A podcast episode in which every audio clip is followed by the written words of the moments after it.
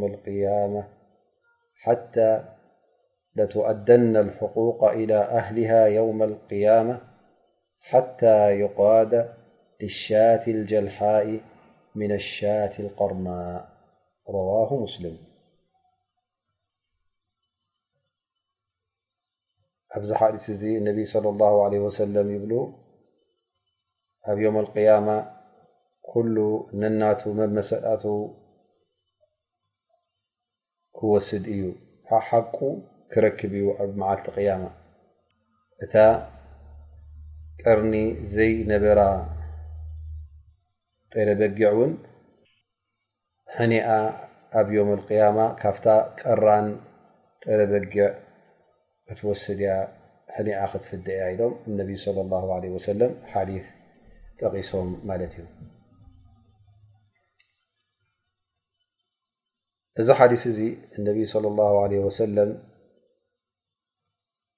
እቲ ኣጀማምርኡ እንተ ርእናዮ ለትኣደነ ልሕቁቃ ክብሉ ከለዉ እዚ ከም ማሓላ እዩ ዝቁፅር ማለት እዩ እነቢ ለ ላ ለ ወሰለም ከይመሓሉ ከለዉ ውን እሙን እዮም ግን ክምሕሉ እንከለዉ እንታይ ዘርእየካ ማለት እዩ ኣገዳስነት ናይቲ ዝዛረብሉ ዘለዉ ጉዳይ ነቲ ዝህብዎ ዘለዉ ሓበሬታ ምእንቲ ክትግደስ ቀዳምነት ንክትህቦ ከይትዝንግዕ ኢሎም ከምዚ ገይሮም የቕርቡልካ ማለት እዩ ኣብ ዮም ኣልቅያማ ዝጠፍእ ነገር የለን ኩሉ ነናቱ ሓሓቁ ከብ መመሰሉ ክረክብ እዩ ኣብ ኣዱንያዊ እንተዘይረኺብካዮ መሰልካ እንተ ተገፊፍካ ኣብ ሽር ኣጆኻ መሰልካ ሕል እዩ ኣብ ዮም ኣልቅያማ እቲ መሰልካ ኣላ ስብሓን ወተዓላ ክመልሰልካ እዩ ኢሎም እነቢይ ስለ ላ ለ ወሰለም ይሕብሩ ኣለዉ ኣይኮነንዶ ደቂ ሰብ ወላ ውን እንስሳ ውን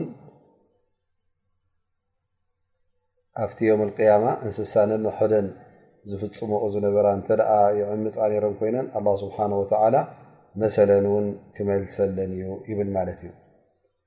ምክንያቱ እንታይ ጠቂሶም እነቢ ለ ላ ለ ወሰለም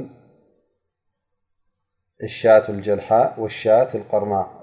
ጀልሓ ማለት ቀርኒ ዘይብላ ለ በጊዕ ክኸውን ከሎ ቀርና ድማ ቀርኒ ዘለዋ ማለት እዩ እሞ እንተ ደኣ ቀርኒ ዘለዋን ቀርኒ ዘይብላን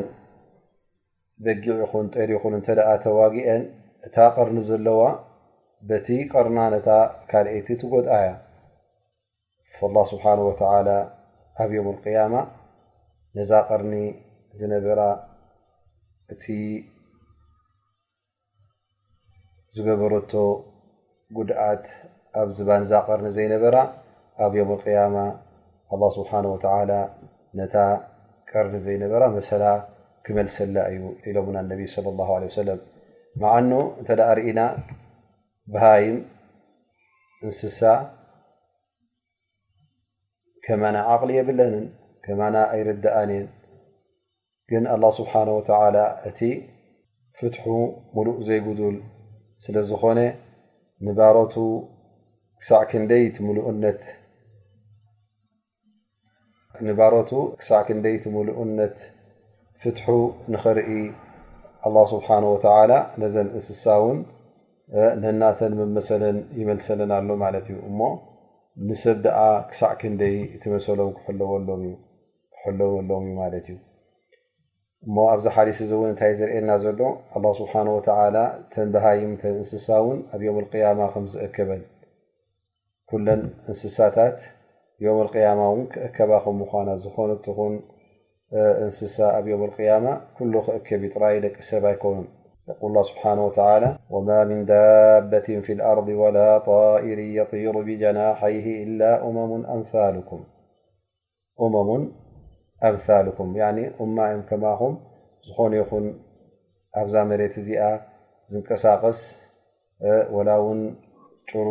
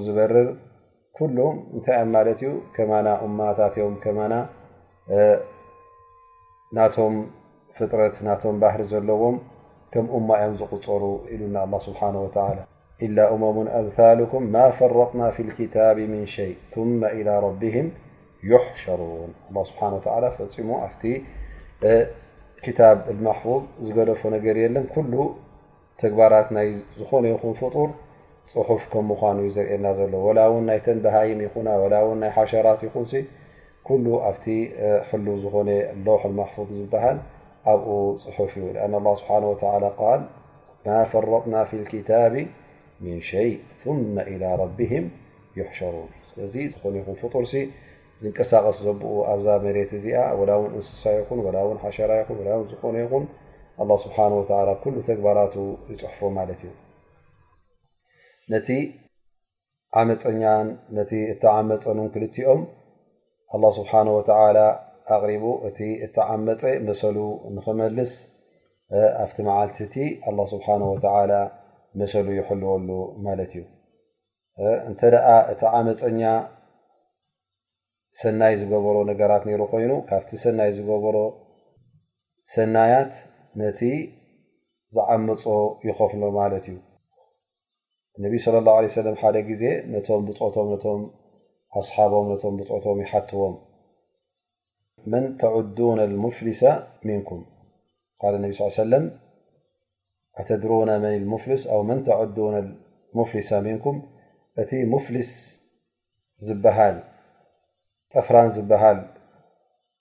ምንም ገንዘብ ዘይብሉ ዝበሃል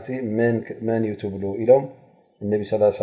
ነቢ ለ ላ ለ ወሰለም ነቶም ብፆቶም ይሓትዎም ሽዑ እንታይ ኢሎም ይምልሱ ቃሉ ኣልሙፍሊሱ መን ላ ድርሃማ ዕንደ ወላ መታዕ ሙፍሊስ ዝበሃል ፈልሳን ዝበሃል ጥረ ገንዘብ ዘይብሉ ወይ ከዓ ዝኾነ ይኹን ዓይነት ንብረት ዘይብሉ ኢሎም መሊሶም ማለት እዩ ነቢ ለ ላ ለ ወሰለም እዚ ናይ ኣዱንያ ነገር እዩ ግን እቲ ሙፍሊስ ዝበሃል ናይ ብሓቂ ፈልሳን ጠፍራን ዝበሃል ኣብ ዮም ኣልቅያማ መፂኡ ሓሰናት እዚ ዘይበሃል ሰናይ ተግባራት ክንዲ ጎቦታት ዝኸውን ሰናይ ተግባራት ፅቡቕ ተግባራት ሒዙ ይመፅእ ግን ነዚ ወቂዑ ነቲ ፀሪፉ ገንዘብ ናይቲ ኣሕዲጉ ነቲ ቀቲሉ ደሙ ከስኪሱ ይመፅእ እዚ ኩሉ ሰናይ ተግባራት ገይሩ ከሎ ግን በቲ ድማ ሕማቕ ነገራት እከይ ስራሓት ዝሰረሖ ነይርዎ ማለት እዩ ፈያእኩዙ ሃذ ምን ሓሰናት ወሃ ምን ሓሰናት ሕጂ እዞም ሰባት እዚኦም እቶም ኣብ ኣዱንያ ከለዉ ዝሃርሞም ዝፀርፎም ዝወቕዖም ገንዘቦም ዘሕድጎም ዝነበሩ ዝቀተለሎም ዝቀተሎም ኮይኑ መቸም እዚኦም ኩሎም እመፁ ማለት እዩ እንታይ እዮም ደልዮም ስለ ዝዓመፆም መሰሎም ንክምለሰሎም መሰሎም ንክሕለወሎም ይመፁ ማለት እዩ። እንታይ እዮም ክወስዱ ሕጂ ካብቲ ሰናይ ተግባራት ዝገበሩ ካብኡ ይወሃቡ ኣነ ከምዚ ገይሩኒ ኣነ ከምዚ ቀትሉኒ እዚ ከምዚ ሕዲጉኒ ክምዚ ዝኸውን ገንዘብ ኣተሃሊሉኒ ኢሎም ኩሎም ክቐርቡ ከለዉ እሞ ነቲ ዝገበረካ ገበን ዝኽሕስ ካብቲ ሰናይ ተግባራት ውሰድ እካ እንካ ይበሃል ማለት እዩ ኩሎም ይወስድዎ ሕጂ እንታይ ይኸውን እቲ ሰናይ ዝኣከቦ ኩሉ ይውዳእ ማለት እዩ ሰናይ ክውሑድ ኣይነበረ ክንዲ ጎቦ ዝኸውን እዩ ኣኪቡ ነይሩ ላኪን ዕዳ ብዙሕ ስለ ዝነበሮ ዕድኡ ከፍ ኢሉ ማለት እዩ ኩሉ እቲ ገንዘብ እቲ ዝኣከቦ ሰናይ ተግባራት ይውዳእ ሽዑ ገና ኣለው ዝሓቱን ዝጠልቡን ሞት ሓሰናት ና ሰናይ ተግባራት ና ተወዲኡ ዩ ሽዑ እንታይ ይበሃል ዝኸፍሎ ካብ ዘይሃለዎ ካፍቲ ናቶም ሰይኣት ካፍቲ ሕማቕ ተግባራት ናቶም ንኦም ይጉደሎም ንዕኡ ድማ ይፀንብሩሉ ይበሃል ማለት እዩ ፈቱጥራሕ ሀዚህ ሰይኣት እዚ ኩሉ ሰይኣት ናይ ካልእ ሰብ ናቱ ጥራይ ዘንቢ ከይኣክሎ ናይ ካልኦት ድማ ይውሰቆ ማለት እዩ ምክንያቱ ዓሚፅዎም ስለ ዝነበረ ከምዚ ገይሩ እቲ ኩሉ ሰናይ ተግባራቱ በኒኑ ኣብ ርእሲኡ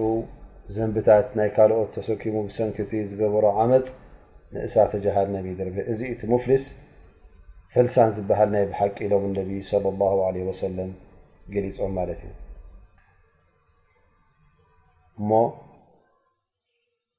ኣንታ ዓማፂ ስቂኢልካ ዝሓልፍ ኣይምሰልካ ሎሚ ዓሚፅካ ነብ ዱንያ እንተ መሰል ናይቲ ዝዓመፅካዮ እተ ዘይከፈልካ ፅባሕ ንግሆ ኣብ ኣራ ኣለካ ማለት እዩ እቲ ዝዓመፅካዮ ሰብ ኣብ ቅድሜ ካደው ክብል እዩ ኣብ ፍርዲ ድማ ክትፍረዱ ኢኹም መዝሉም ክበሃል ከሎ እተዓመፀ ሰብ እዚ ኣብ ኣራ መሰሉ ዝመልስ ኣየና እዩ ተ ኢልና ሓቲትና እተ ኣብ ኣዱንያ ከሎ መሰሉ እተ ዘይመለሰ ሓደ ሰብ ዓሚፅዎ ገንዘቡ ሕዲጉዎ እተ ዳሕራይ ቲ ገንዘቡ ብፍርዲ ኮይኑ ብመንግስቲ ኮይኑ ተመሊስዎ ላስ እዚ ሰብ እዚ ሓቁ ተመሊስዎ ማለት እዩ ላን እንተ ዘይተመለሶ ኣብ ርእሲኡ ድማ እዚ ሰብ እዚ ነቲ ዝዓመፆ ዱዓ እንተዘይገበረሉ ማለት ዱዓ ገይሩ ኣንታ ረቢ እዚ ሰብ እዚ ዓሚፁኒ እሞ ከምዝን ከምዝ ግበሩ ዱዓ ገይሩ እሞ ኣላ ስብሓን ወተላ ድኡ እንተ ተቐቢርሉ ኸላስ መሰሉ መሊሱ ማለት እዩ ከይሞተ ከሎ ዱዓ ገይሩ እሞ ከዓ እታ ድዓ ዝገበራ እተ በፂሓ እዚ ሰብ እዚ ላስታ መሰሉ መሊሱ ማለት እዩ ኣ ብድዓ ገይሩ ነቢ ለ ላ ለ ሰለ ከምቲ ዝበልዎ ዳዕወት ልመظሉም ለይሰ በይና ወበይና ላ ሕጃብ ንሙዓዝ ረ ን ምስ ለኣኸዎም ካብ ዓመፅ ኣጠንቂቆሞ ማለት እዩ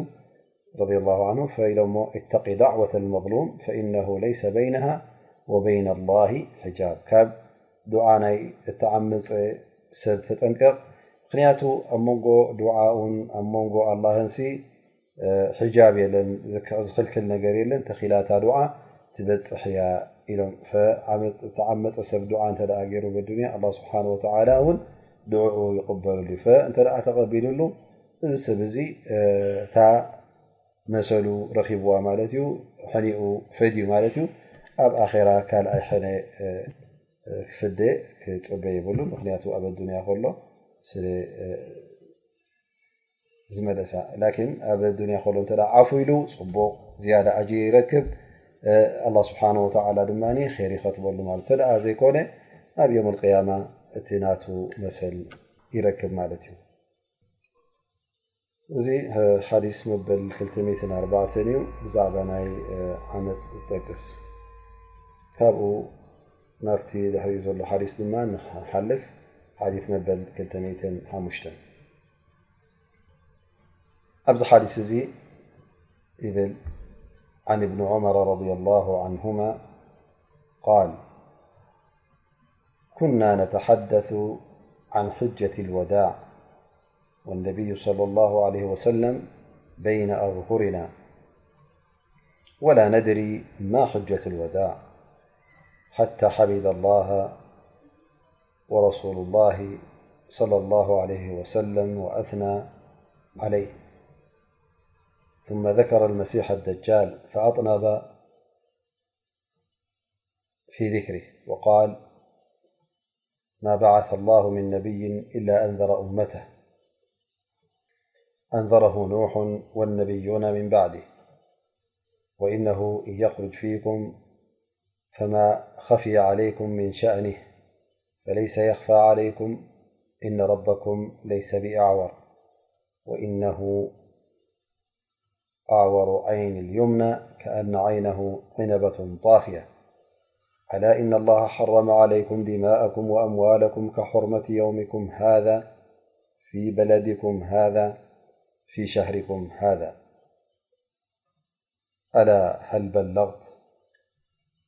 قالوا نعم قال اللهم اشهد ثلاثا ويلكم أو ويحكم انظروا لا ترجعا بعدي كفارا يضرب بعضكم رقاب بعض رواه البخاري وروا مسلمبعضهث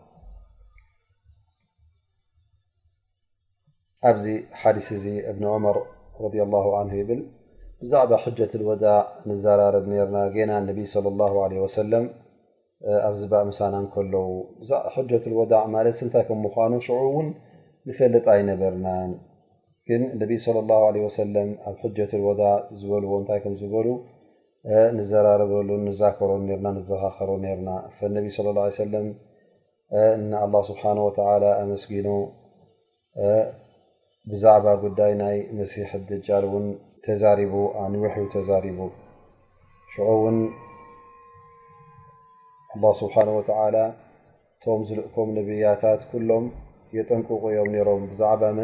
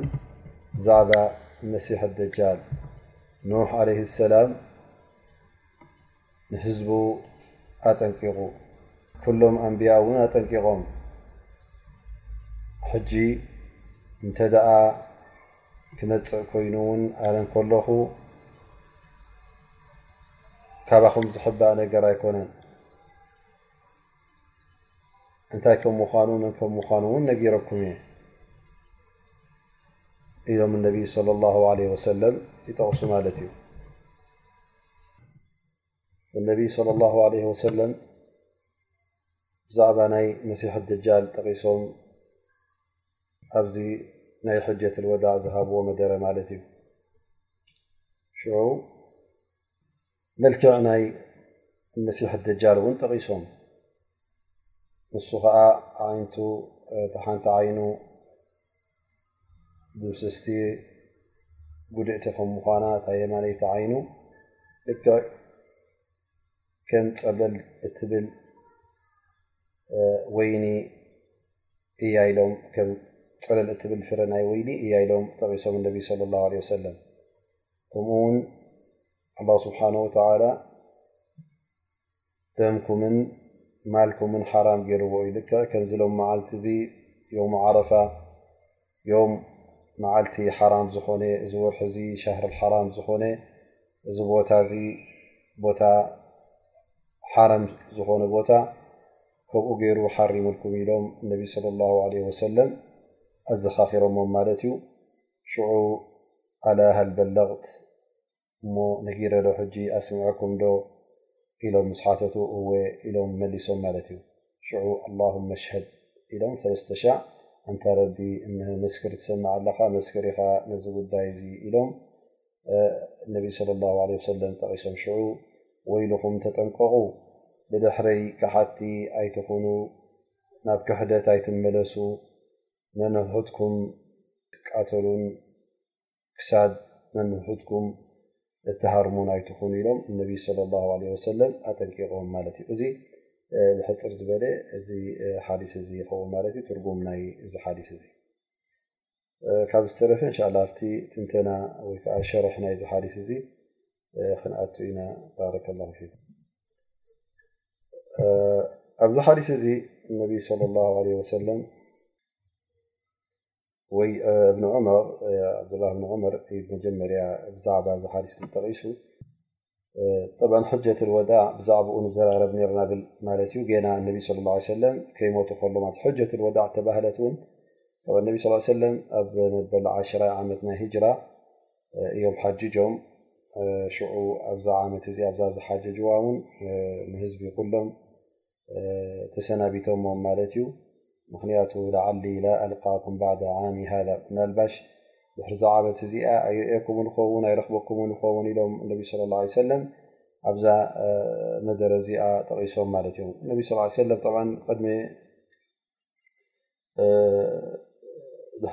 ድሕሪ ሂጅራ እዚኣ እያ ሓንሳእ ዝሓጀጅዋ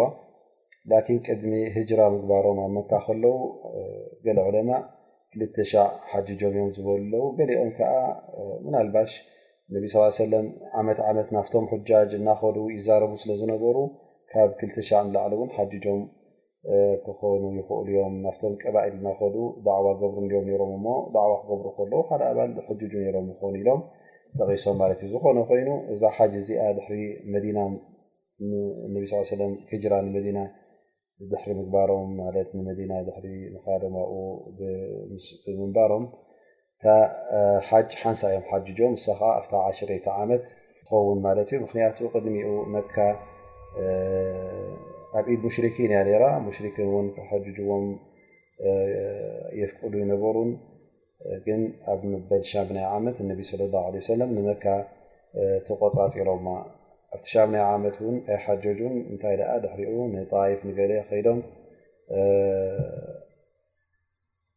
ከምኡ ውን ጣፍ ማለት እዩ ሽዑ ቐቢለት ሰቂፍ ሃዋዝን ዝበሃላ ነረን ንዕዐን ከጥቅዕወን ከይዶም ማለት እዩ ዳሕራይ ኣብ ጆዕራና ዝበሃል ቦታ ምስ በፅሑ ዑምራ ገይሮም ብለይቲ ንመካ ኣትዮም ማለት እዩ ካብኡ ተኺሎም ንመዲና ከይዶም እሞ ኣብ ሻብናይ ዓመት ወላ ውን ንመካ ተቆፃፂሮም ኣትዮም ይንበሩ ዳኣ እምበር ሓጅ ኣይገበሩን ኣብ ታሽዓይ ዓመት ሽዑ እቲ ኣጋይሽ ንመዲና ብብዝሒ እና መፁ ንከመስሉሙ ኢሎም ይረኣዩ ነሮም ኣብዚ ዓመት እዚ ነቢ ስ ሰለ ንመዲና ክገድፍዋ ይከኣሉን ክሕጅ እውን ዕድል ኣይረከቡን ማለት እዩ ነቢ ለ ለ ወሰለም እዛ ዓመት እዚኣ ዓምል ውፉድ ይበሃል ማለት እዩ ስለዚ ነቲ ዝመፆም ዝነበረ ኣጋይሽ ንክቕበሉ ኢሎም እነቢ ስለ ላ ለ ሰለም ኣብ መዲና ኮፍ ኢሎም ማለት እዩ ኣብዛ ዓመት እዚኣ ኣብዛ ታሻይቲ ዓመት እቶም ሙሽርኪ ነይሮም ዝሕጅጁ ኣስላም እውን ዝሕጅጁ ነይሮም ግን ናይ መጨረሻ ዓመት ኮይና ማለት እዩ እዛ ታሻይቲ ዓመት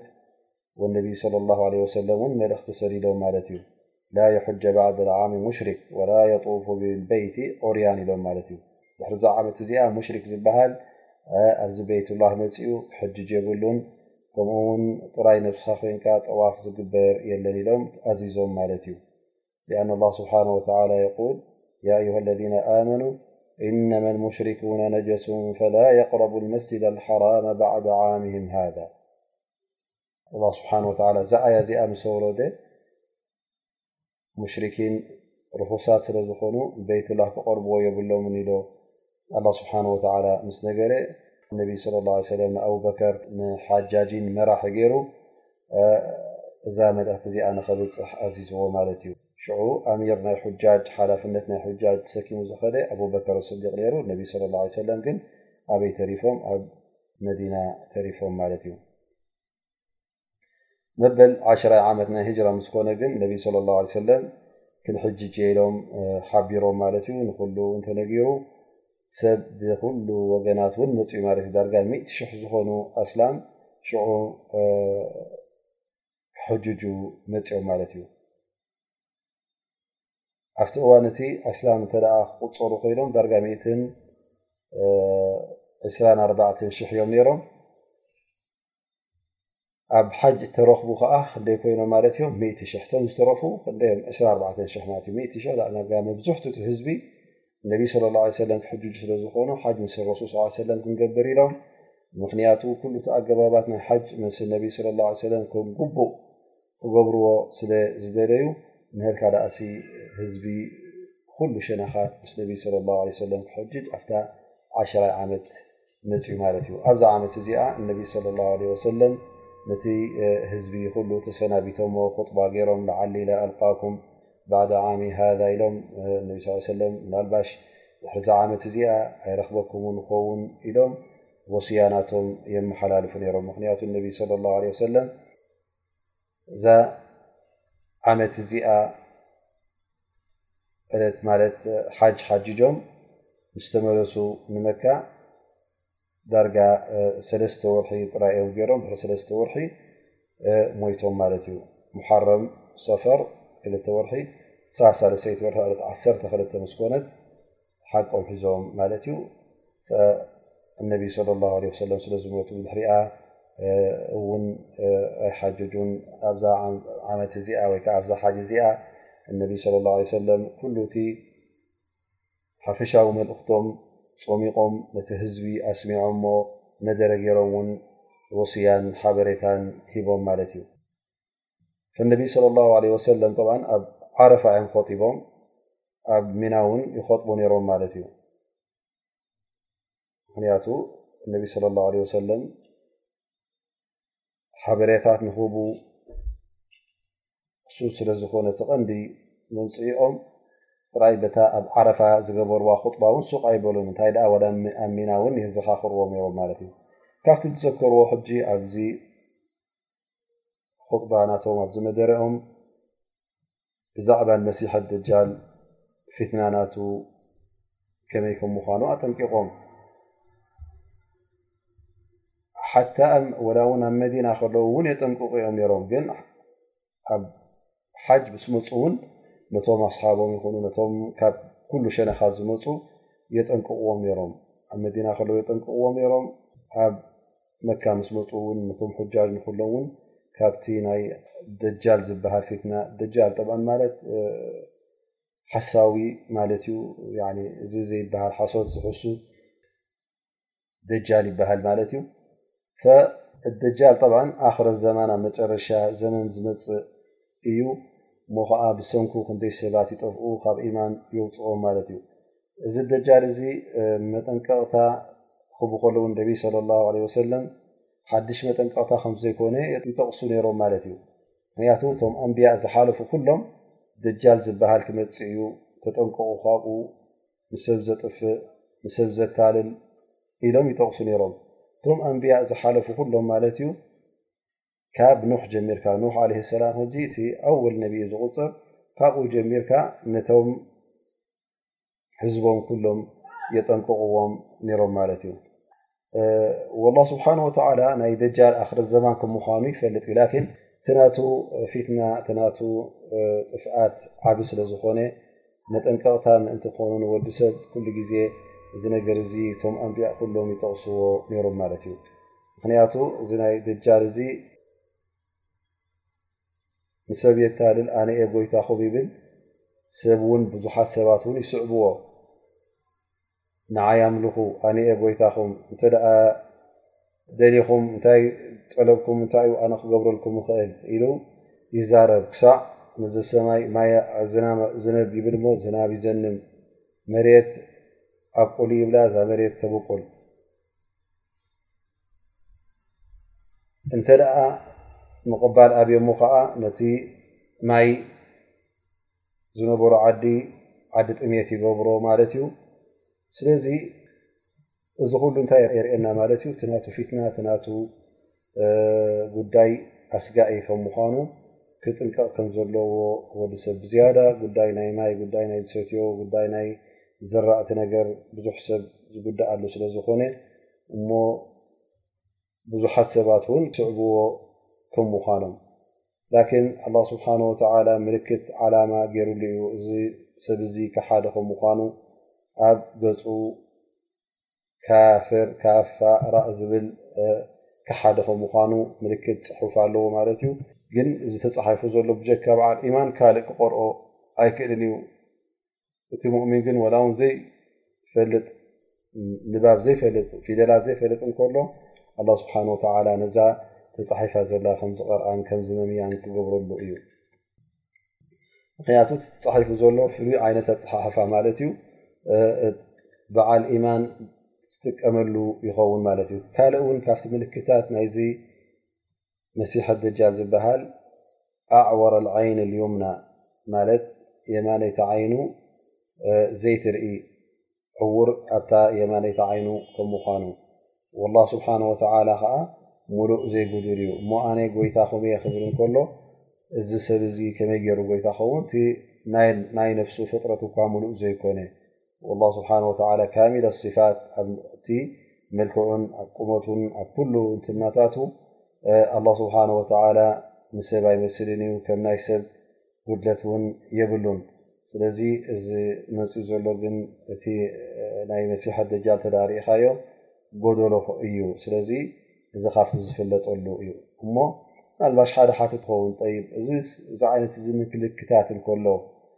ከምዚ ዓይነት ብሩህ ዝኾነ ምልክት እንተሎ ከመይ ገይሩ ሰብ ይታለል በዚ መሲሕ ኣደጃል ዝብል ምናልባሽ ሕቶ እንተ ቀሪቡ እቲ ናይ ኣላ ስብሓን ወተላ ኣያታት ውን መርትዖታት እንተ ርእናዮ ሕጂ ግሉፅን ብሩህን እዩ እነቢይ ስለ ላ ለ ወሰለም ዳዕዋ ክገብሩ ከለዉ ግሉፅን ብሩህን ኣያታትን ተኣምራትን ሒዞም መፅኦም ላኪን ሰብ ነቲ ሓቂ እናረኣዮ ከሎ ይኣብዮ ነይሮ ማለት እዩ ከማ ቃል ላ ስብሓ ላ ፊ ክታብ ወማ ትغኒ ኣያት ወኑድሩ ን قውም ላ ዩእሚኑን ንክኣምን ድሉ ዘይኮነ ሰብ ከምዝኣመሰለ ተኣምር ወይከዓ ምልክታት ኣይጠቕሞን እዩ ማተንፍዐሁ ምክንያቱ ንጥፍኣት ድልውነት ስለዘለዎ ንሓቂ ድልየት ስለዘይብሉ ኩሉ ግዜ ናብ ሓቂ ስለዘድሃበ ካብ ሓቂ ይርሕቕ ማለት እዮም ፈላ የስተፊዱን ዋላ ሓንቲ ይጥቀሙን እዮም ካብቲ ኣላ ስብሓን ወተላ ዘውረዶ ኣያታትን ምልክታትን ተእምራትን ጭብጥታትን ነቢ ص ه ኣብቲ ግዜ እቲ ኣብሽሩ እተ እዚ መሲሐ ደጃል ዝበሃል ኣነ ከለኹ እተ መፅኡ ወደ ሓንቲ ዘፍርሃኩም ነገር የለን ኣነ ደው ከብሎ እየ ኣነ ሓጅ ዝብሉ ሮም ነ ስ ሰለ ኣነ ደው ከብሎ እየ ኣነ ክካት እየ ኣነ ክረትዖ እየ ኣጆኹም ከመይ ገይሩ ሓሳዊ ከም ምኳኑ ከብርሃልኩም እየ ን ትሽግር እተ ብድሕረይ ወፅኡ እዩ እሞ እንተ ብድሕረ ወፅኡ ግን ኩሉ ፈምርኡን ሓጂጃ ነፍሲ ማለት ኩሉ ሰብ ሉ ዝኾነ ይኹን ሰብ ባዕሉ ክካታዕ ኣለዎ ባዕሉ ክቃለስ ኣለዎ ላ ስብሓ ወላ እውን ነቲ በዓል ኢማን ነቲ እስላማይ ክድግፎ እዩ ክሕግዞ እዩ ኢሎም እነቢይ ለ ላ ለ ወሰለም ሓቢሮም ማለት እዩ ስለዚ ካብ መሲሐ ደጃል ነቢ ስ ሰለም ኩሉ ግዜ የጠንቅቑ ነሮም ብዝያዳ ግን ኣበይ ኣጠንቂቖም ማለት እዩ ኣብ ሕጀት ልወዳዕ ኣብታ ናይ መጨረሻ ሓጅ ባ ዝተባሃለት እሳ ሓንቲ ሓጃ ነራ ላኪን ነቲ ህዝቢ ኩሉ ስለዝተፋነዎ ሓጀት ልወዳዕ ተባሂላ ማለት እዩ ጠብ መሲሕ ኣደጃል ኣብዛ ዓለምና እዚኣ ክርከብ እንከሎ ንርብዓ መዓልቲ እዩ ዝመፅ ኣርብዓ መዓልቲ እዩ ዝቕመጥ ላኪን እታ ቀዳ ሓንቲ መዓልቲ ልክዕ ክንዲ ዓመት እያ ክትከውን እቲ ሓንቲ ደኣ ከዓ ክንዲ ወርሒ እቲ ሓንቲ መዓልቲ ከዓ ክንዲ ሰሙን ትኸውን ማለት እዩ ሊኣንሃ እዚ ሕጂ እንታይ ማለት እዩ ማለት እታ ቀዳመይቲ ክንዲ ዓመት ክበሃል እንከላ ሕጂ ነዊሕ መዓልቲ ማለት እዩ እዚ ተረፈ መዓልታት ተን ሰላሳን ሸውዓተ መዓልትታት ከዓ ልክ ከምዚ ተራ መዓልትታትና ይኸውን ማለት እዩ صሓባ ርضዋን ላ ለይም ሕጂ ረሱላ ላ ከመይ ገራ ዓመት ዛፀሓይ ኮፍ ትብል ገለሜታት ኢሎም ኣይሓተቱን ላኪን ስንኦም ዘገድሶም ጉዳይ ሓቲቶም ያ ረሱላ ላ እሞ ንዓመት ሓንቲ መዓልቲ ክንደ ዓመት እተ ኮይናስ ከመይ ገርና ኣ ክንሰግድ ኢና ኢሎም ሓቲቶም ምክንያቱ እቲ ናይ ጉዳይ ናይ ቅያር ናይ ምልዋጥ ናይ ሰማይን መሬትን ናይ ፀሓይን ናይ ገደን ኣብ ኢድረቢ ስለዝኾነ እዚ ነገር እዚ እውን ኣላ ስብሓን ወተላ ክቀያየሮ ክኢላ ስለዝኾነ ከመይ ገይሩ እዩ ዝቕየር ኢሎም ኣይሓተቱን ኣኖም ይእሚኑን ብዛዕባ ኣላ ስብሓን ወተላ ኣብዛ ዓለም እዚኣ እተፈላለየ ተኣምር ከምፅ ከም ዝኽእል ላን እቲ ንዕኦም ዘገድሶም እንታይ እዩ ከመይ ገይሮም እቲ ዒባዳኦም ከማልኡ ከም ዝኽእሉ እሞ ብዛዕባ እዚ ሓቲቶም ማለት እዮም እቲ ንዕኦም ዘገድስ ልዮም ከሰና ሓንቲ ሓንቲ መዓልቲ ክንዲ ዓመት ክትበሃል ከላስ ከመይ ገይርና ክንሰግድ ልክዕ ናይ ሓንቲ መዓልቲ ዚና ንሰግድ ወይስ ከመይ እዩ ኢሎም ሓቲቶም ማለት ላን ነቢ ስ ሰለም እቅድሩ ለሁ ቀድረህ ልክዕ ናይ ሓደ ዓመት ክትሰግዱ ኣለኩም ናይ ሓደ መዓልቲ ኮንኩም ትሰግዱ መዚንኩም እቲ እለታት ርኢኹም ወይከዓ እቲ ሰዓታት ርኢኹም ናይ መዓልቲ ክንደይ ሰላት ትሰግዱ ነርኩም ኣብ ክንደይ ሰዓታት ብኡታት ወሲንኩም ስገዱ ኢሎም ማለት እዩ። ወላ እቲ እታ ዮሙን ከሰና ዝብላ ዘሎ ኣላ ስብሓን ወተላ ሽዱሽተ ወርሒ ቀትሪ ሽዱሽተ ወርሒ ለይቲ ትኸውን ኣሎ ማለት እዩ እዚ ጉዳይ እዚ እውን ኣብቲ ግዜ እነቢ ስለ ላ ሰለም ነዚ ነገር ክዛረብዎ ከለዉ እቶም ኣሰሓባ እዚ ነገር እዚ ኣበይ ከምዝርከብ ከመይ ከምዝርከብ ፈልጥዎ ይነበሩ ላኪን ሕጂ እንተዛርእና ኣብ ሰሜን እተ ኮንካ ወይከዓ ዝረሓቀ ደቡብ እተ ከድካ ንሽዱሽተ ወርሒ ፀሓይ ዘይተዓርበሉ ሽዱሽተ ወርሒ ፀሓይ ዘይትረኣየሉ ቦታታት ከምዘሎ እዚ ነገር እዚ ፍሉጥን ውሩይን ዩ ሕጂ ሕቡእ ነገር ኣይኮነን እሞ እንተ ግዜ ፆም ኮይኑ ኣብቲ ዓመት እቲኣ ክትፀውም ኣለካ ማለት እዩ ሊኣኑ ሙሉእ ዓመት ዝፀናሓላ ዝሓንቲ መዓልቲ ዳርጋ ዓመት ኮይና ማለት እዩ ዘካት እንተ ኣሎ ኮይኑ ውን ናይ ዓመት ዘካት ዓመት ጌርካ ማለት እዩ ተውፅ እዘ እዚኣ መዓልቲ እዚኣ ሓንቲ መዓልቲ ይኮነት እንትቁፅር ብተግባር እንታይ ክትቁፅር ኣለዋ ማለት እዩ ዓመት እያ እትቁፅር ማለት እዩ እነቢ ስለ ላ ለ ሰለም ካብዚ ናይ መሲሕ ደጃል ኣጠንቂቖም ፊትና ከም ምኳኑ መጠፋፍኢ ከም ምኳኑ ሓቢሮም ማለት እዩ ብ ቲ ቀንዲ እዚ ሓዲስ እዚ ኣብዚ ባብ እዚ ወይከዓ ኣብዚ ርእስቲ እዚ ዘምፅኣ እንታይ እዩ እዘን ሕጂ ዝመፃ ከሊማት ወይከዓ ቃላታት ማለት እዩ ኣላ እና ላሃ ሓረመ ዓለይኩም ድማእኩም ወኣምዋልኩም እዚ ኣበይ ኢሎሞ ኣብ ሕጀት ወዳዕ ነቢ ስለ ላ ለ ወሰለም ጠቂሶሞ ማለት እዩ ኣላ ስብሓን ወተዓላ ደምኩም ማልኩም ሓሪምዎ እዩ እንታይ ማለት እዩ ደማትኩም ንኸትክስክሱ ማለት ንሰብ ንክትቀትልካ ደም ንኸተፍስስ ንክትቀትል ኣላ ስብሓን ወተላ ሓሪምዎ እዩ ብ ብዘይ ሓቂ ብዘይ መሰል ማለት እዩ ከምኡ ውን ገንዘባትኩም ነናይ ሕድሕድኩም ገንዘብ ብሓላል መንገዲ ተዘይኮይኑ ብዘይሕጋዊ መንገዲ ሓይልኻ ምምንጣል ዝበሃል ብስርቅን ብምዝማትን እዚ ነገር እዚ የለን ኢሎም ነቢ ስ ሰለም እቲ ሕርማ ናቱ ከዓ ሓያል ታሕሪም እዩ ተሓሪሙ ሓያል ክልከላ እዩ ተኸልኪሉ ልክዕ ከምዛ እዛ መዓልቲ እዚኣ እስኹም ትፍልጥዋ ኢኹም ሕርመቲ ዮውሚኩም ሃዛ እዚ ዮም ዓረፋ ክሳዕ ክንደይ ክቡርን ሕሩምን ከም ምዃኑ ትፈልጡ ኢኹም ፊ በለዲኩም ሃዛ እዚ ዓድኹም እዚ እዚ መካ ዝበሃል እዚ በይቱላህ ኣልሓራም ዝበሃል ሓረም ዝበሃል ኣብኡ ዝኾነ ይኹን ዓመጽ ንኽትገብር ወይ ከኣ ገበን ንኽትፍጽም ዓብዪ ሓራም ከም ምዃኑ ትፈልጡ ኢኹም ፊ ሻህሪኩም ሃዛ እዚ ወርሒ እዚ መዓልታቱ እዚ ክቡር ዝኾነ መዓልታት እንድዩ ሻህርላህ ኣልሙሓረም እዩ ዝስመ ሻህሪ ዙልሕጃ እሞ እቲ ደምኩምን ማልኩምን ክሳዕ ክንድኡ ሕሩም እዩ። ጠብዓ ደም ወዲ ሰብ ደም ኣስላማይ ዝያዳ ካብቲ ቤይትላህ ኣልሓራም ካብኡ ዝያዳ ይሕረም ግን እነቢይ ስለ ላ ለ ሰለም ክዛረቦም ከሉ እዞም ሰባት እዚኦም ኣብቲ ግዜ እቲ እቶም ሙሽርኪን ንሰብ ንምቕታል ገንዘብ ሰብ ንምዝማት ቀሊል ነገር ገይሮም እዮም ዝወስድዎ ነይሮም ላኪን ነቲ ቤይትላህ ብጣዕሚ ብጣዕሚ የኽብርዎ ነይሮም ነቲ ሓረም የኽብሩ ነይሮም ማለት እዩ ኣዋርሕ ናይ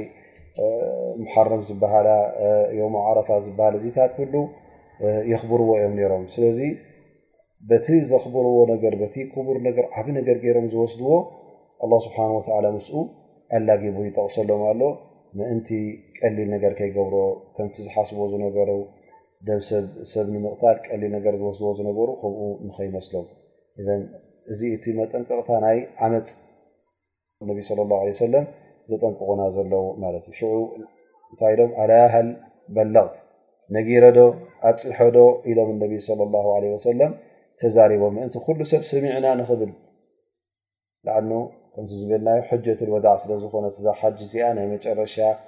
ብድሕሪ ሕጂ ምናልባሽ እዚ ኩሉ ሰብ ዝእከበሉ ሚእቲ ሽሕ ዝኸውን ኣብ ሓደ ቦታ ዝእከበሉ ዕድል ኣይርከብን እዩ ኢሎም እነቢ ስለ ላሁ ለ ሰለም ዕምሮም ዕድሚኦም እውን ከም ዝኣኸለ ይፈልጡ ስለ ዝነበሩ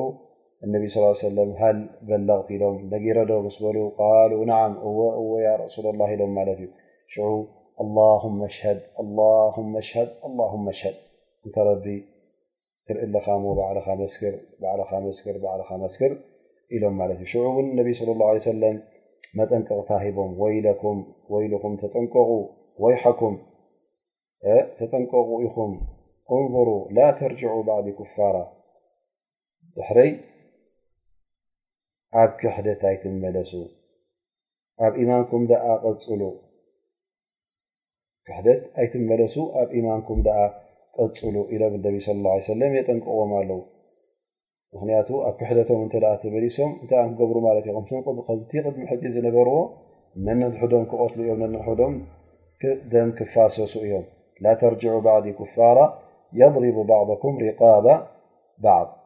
ማለት ዑለማ ኢሎም እዛ ዘረባ እዚኣ ናብ ክሕደት ኣይትመለሱ ካብቲ ኣቲኹሞ ዘለኹሞ ኢማን ሕጂ እንደገና ናብቲ ዝነበርኩሞ ክሕደትን ምስ ጎይታ ሽርካ ምግባርን ኣይትመለሱ እዩ ዝብሎም ዘሎ ወቂል ከምቶም ክሓቲ ኣይትምሰሉ ነንድሕዶም ዝቃተሉን ደሞም ዝፋሰሱን እዚ ውን ካልእ ማዕናን ካልእ ትርጉም ኢሎም ዑለማ ጠቒሶም ማለት ኣይ ላ ተርጅዑ ባዕዲ ኩፋራ የድሪቡ ባዕኩም ሪቃበ ባዕድ ማለት ከምቶም ክሓቲ ነንሕዶም ዝቃተሉን ደሞም ዝፋሰሱን ዘይግደሱን ብደም ኣሕዋቶም ንስኹም ከምኦም ኣይትኹኑ ነንሕድኩም ኣይትቃተሉ ደምኩም ኣይትፋሰሱ ደምኩም ሓራም እዩ ደምኩም ክፈስስ የብሉን ኣብ ኮንቱ ኢሎም እነቢይ ለ ላ ለ ወሰለም ነቲ ተኣኪቡ ዝነበረ ሚእቲ ሽሕ ዝኸውን ሓጃጅ፣ ሓጃጂ፣ ሚእቲ ሽሕ ዝኸውን ሰብ ንዕኡ ከም ዝኣመሰለ ሓበሬታታት ኣመሓላሊፎምሉ ማለት እዩ።